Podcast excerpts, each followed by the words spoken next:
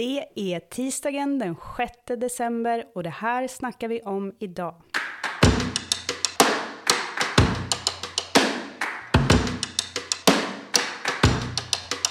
Tre månader har gått sedan valet när Sverige fick blåbrun majoritet. Det rödgröna blocket förlorade och Vänsterpartiets riksdagsresultat landade på 6,75 procent.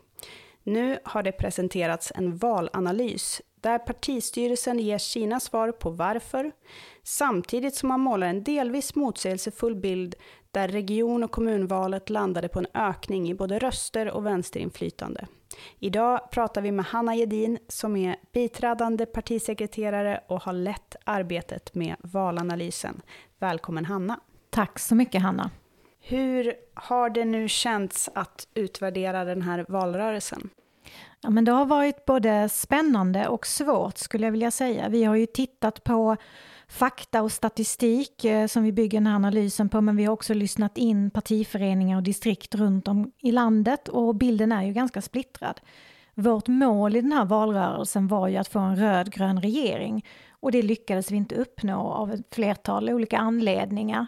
Samtidigt som vi ser att vi har stärkts i kommun och regionval. Så det är en splittrad bild. Ett år före valet så svarade runt 11 procent av väljarna att de skulle rösta på Vänsterpartiet. Varför gjorde de inte det? Flera olika faktorer pekar partistyrelsen ut. Man kan väl här säga i synnerhet dagordningen. Vi vill ju ha en valrörelse som handlade om materiella villkor, reformer som förbättrar människors eh, liv och villkor. För ett år sedan så hade vi striden om marknadshyror eh, och där låg vi på topp i opinionsmätningar. Sverigedemokraterna var inte synliga i den debatten.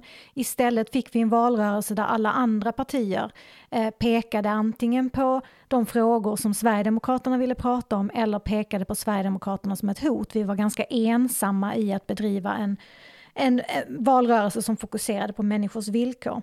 Sen kan man ju också konstatera att eh, det vi såg i det här valet var några yttre faktorer som var lite svårare att påverka för oss. Dels så den speciella omvärldssituationen med ett krig i Ukraina, eh, ett så kallat rally around the flag, när, när väljare kanske drar sig till det större regeringspartiet på grund av osäkert, Eh, osäker omvärld. Och dels också en framgångsrik stödröstningskampanj från Miljöpartiet i valrörelsens slutskede. Där vi ser att en stor del av våra väljare valde att taktikrösta. Hela 17 procent av alla väljare som taktikröstade kom från Vänsterpartiet. Det tror jag var också några anledningar. Och det var alltså en fråga som ställdes i Novus, att vilket parti hade du röstat på om du inte hade taktikröstat? Så det var en väldigt rak sak. Precis. Sen var det också så, får man konstatera, att vi redan i valstrategin som vi tog i partistyrelsen 2021 pekade ut tre stycken hot mot en framgångsrik valrörelse. Och tyvärr kan vi se att alla de tre hoten infriades och här har partistyrelsen ett jobb att göra framöver. Du nämner valstrategin och den låg ju alltså till grund för hela Vänsterpartiets valkampanj. Den byggde också på eh, strategidokumentet som togs på eh, kongressen 2020. Hur såg den här strategin ut och vilka slutsatser landar analysen i kring den? Men vi vill ju bygga eh, en berättelse om, på hopp och framtidstro. Vi har sett 30 års privatiseringar eh, och vi är den enda som parti, den enda motkraften till detta. Vi såg vändningen i samband med marknadshyror. Det går att få ett annat samhälle, men det är inget annat parti som står för det idag mer än vi. Eh, den här, eh, det här strategidokumentet som våra medlemmar tog 2020 lägger grunden för den politik som vi bygger de kommande tio åren. Så det är ett väldigt viktigt dokument. Eh, och det la, grund, la grunden för valstrategin där vi bland annat ville ha fokus på våra frågor, på just höger-vänster-frågor, klassiskt materiella frågor. Den slutsats vi drar är att vi, det är väldigt svårt att vända en debatt när alla andra pratar om någonting annat, pratar om Sverigedemokraterna eller kärnkraft eller så. Vi behöver framöver bygga starka allianser med andra rörelser för att få upp våra frågor tydligare på dagordningen. Du nämnde tre hot. Vill du berätta om dem? Mm, ja, men det gör jag gärna. Eh, gång på gång konstaterar vi i valrörelsen att det är svårt att sätta debatten kring de frågor vi vill ha. Och här såg vi i synnerhet den här valrörelsen hur de andra partierna inom det rödgröna blocket inte hade egna reformförslag, inte ville prata liksom de stora framtidsfrågorna utan fokuserade på att peka ut Sverigedemokraterna som ett stort problem.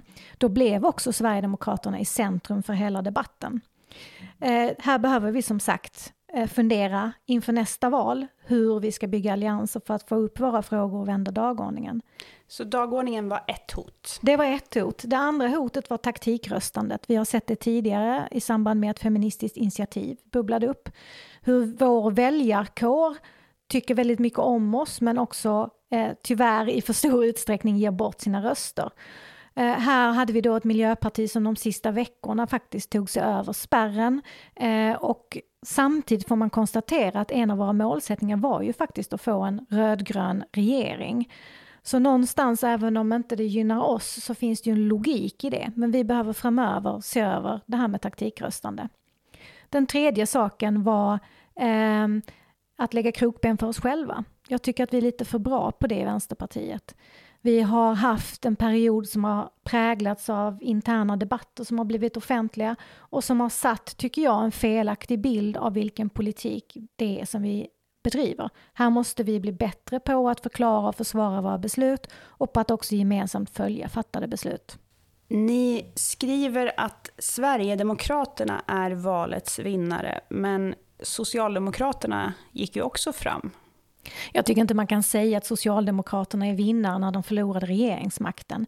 Det som faktiskt hände var att Socialdemokraterna plockade väljare inom det rödgröna blocket och det där är ju inte en framgångsrik strategi om vi vill bryta den blåbruna utvecklingen.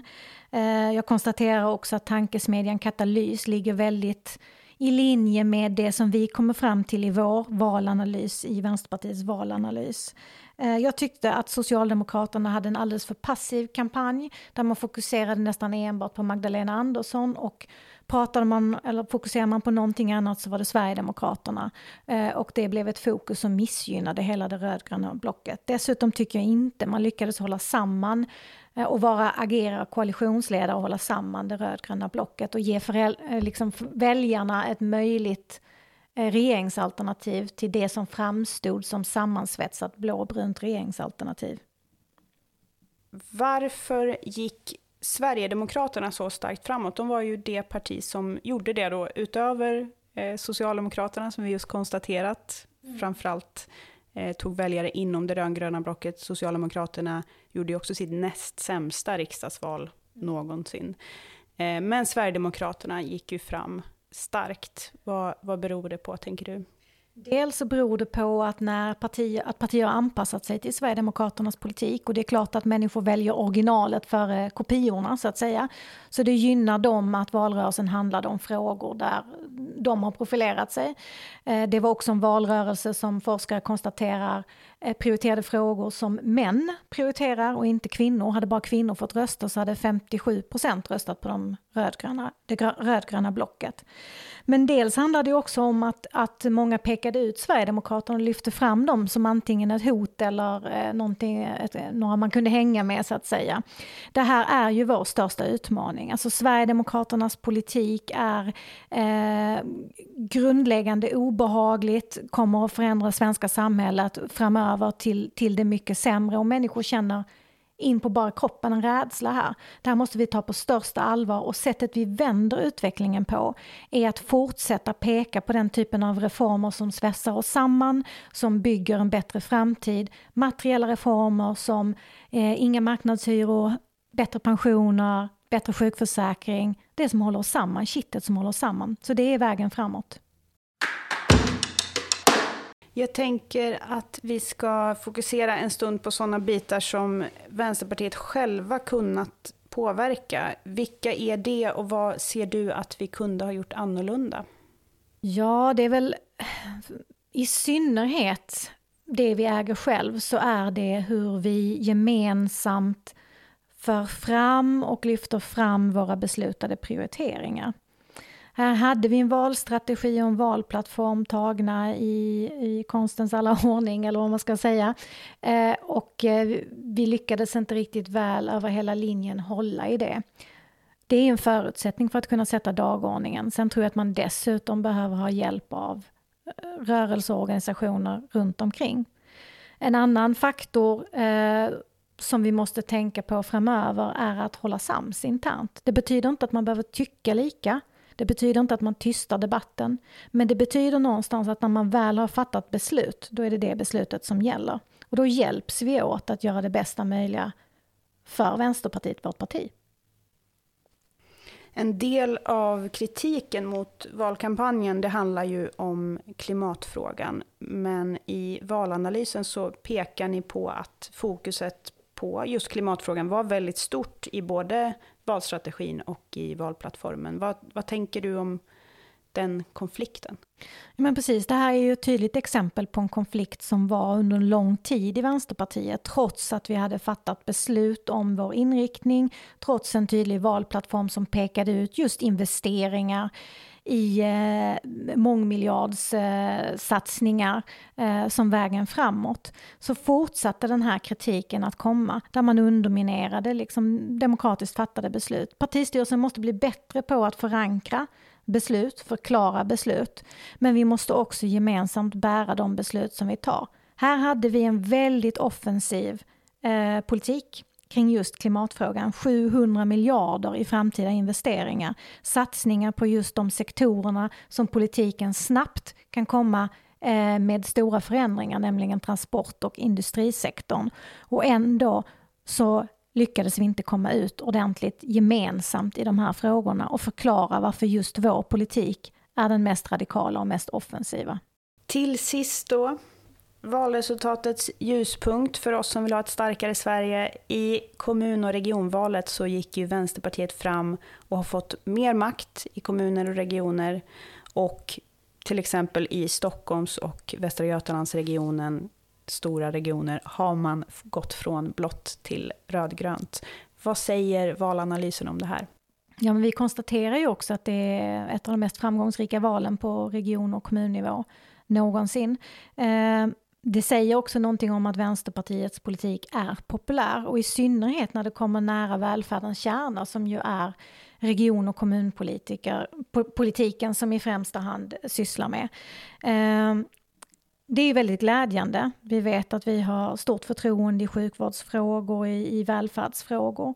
Och det kommer bli en väldigt stor utmaning här framöver. För jag är övertygad om att vi inte bara ser en ekonomisk kris utan vi kommer att se en nedskärningspolitik från från regeringens håll som kommer att behöva hanteras på kommun och regionnivå. Och då är det viktigt tror jag att eh, de politiker som sitter vid styren eh, från Vänsterpartiet runt omkring i Sverige hela tiden också gör den kopplingen till vilka förutsättningar får vi från nationellt håll och pekar på att eh, den blåbruna politiken så att säga ger väldigt dåliga förutsättningar för välfärden runt om i landet. Hela partistyrelsens valanalys finns att läsa på Vänsterpartiets hemsida. Tack till dig Hanna Gedin, biträdande partisekreterare. Tack till mig Hanna Sederin, vikarierande programledare. Och tack du som lyssnar. Missa inte att nu på måndag 12 december klockan 18 så svarar Nooshi Dadgostar på era frågor på Facebook. Vi ses och hörs då.